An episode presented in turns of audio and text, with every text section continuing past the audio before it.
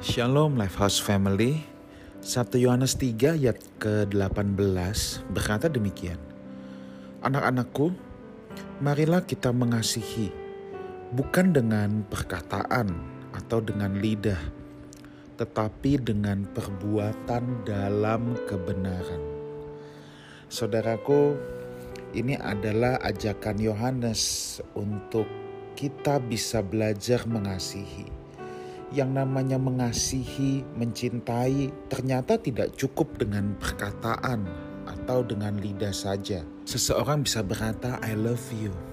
Aku mencintaimu, baik kepada Tuhan maupun kepada sesama. Tetapi kalau perbuatannya tidak mencerminkan bahwa dia serius mencintai, maka tidak dapat dikatakan mencintai.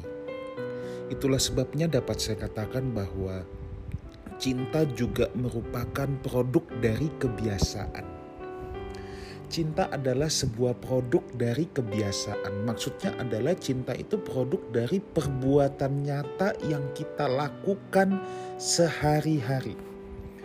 Jadi cinta itu perbuatan nyata, produk dari perbuatan nyata yang kita lakukan sehari-hari. Dan di sini dikatakan perbuatan dan dalam kebenaran. Jadi perbuatan sehari-hari yang di dalam kebenaran itulah produk dari cinta. Kalau kita berkata I love you, maka tidak ada pilihan lain bahwa perbuatan kita harus bisa mencerminkannya. Dan di sini mencintai pun harus dengan benar. Mencintai yang salah ada, misalnya memanjakan perasaannya sendiri. Aku mau apa? Aku tinggal eksekusi aja. Itu cinta yang salah, itu cinta yang membinasakan.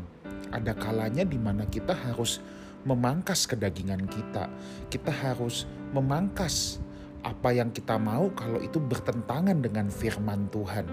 Itulah sebabnya ketika kita berkata, I love you Lord, itu harus kita praktekkan sehari-hari melalui perbuatan kita dalam kebenaran. Sama saja kalau katakan Andi mencintai Tini, dia berkata I love you Tini. Tetapi perbuatannya tidak mencerminkan. Andi selingkuh, Andi suka bohongin Tini. Apakah itu cinta yang sejati? Tidak. Kebiasaan kebiasaan yang salah pun akhirnya bukan menjadi sebuah kasih sayang yang tulus, kasih sayang yang murni, tapi justru bisa merusak, justru bisa mencelakakan saudara. Bahkan kalau tadi dengan contoh Andi dengan Tini, hubungan itu bisa bubar kalau dia tidak bisa membuktikan lewat perbuatannya. Hal ini juga sama saudara dengan hubungan kita dengan Tuhan kalau kita hanya berkata I love you Lord, lalu kita buktikannya gimana? Apakah cukup dengan pelayanan di gereja? Tentu tidak, saudara ya. Orang yang mencintai Tuhan pasti rindu ambil bagian dalam pelayanan, tetapi orang yang mengambil bagian dalam pelayanan belum tentu mencintai Tuhan.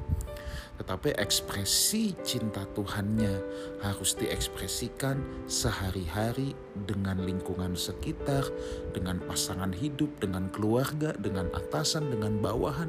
Itulah ekspresi cinta kasih kita yang sejati kepada Tuhan. Itulah sebabnya luar biasa nasihat Yohanes ini bukan hanya dengan lidah perkataan. Kalau dengan perkataan itu gampang saudara. Tidak ada harga yang dibayar dengan perkataan. Tetapi kalau dengan perbuatan kadangkala cinta itu menuntut pengorbanan. Cinta itu menuntut kita menyalipkan kedagingan kita. Cinta itu menuntut kita mengorbankan perasaan kita. Ketika kita berkata, "Aku mencintai Tuhan," kita harus korbankan segala sesuatu, keinginan, cara berpikir, perasaan kita, semua yang bertentangan dengan kebenaran firman Tuhan harus kita korbankan. Dengan demikian baru kita dapat katakan, I love you Lord dengan benar. Tuhan Yesus menyertai kita semua. Haleluya.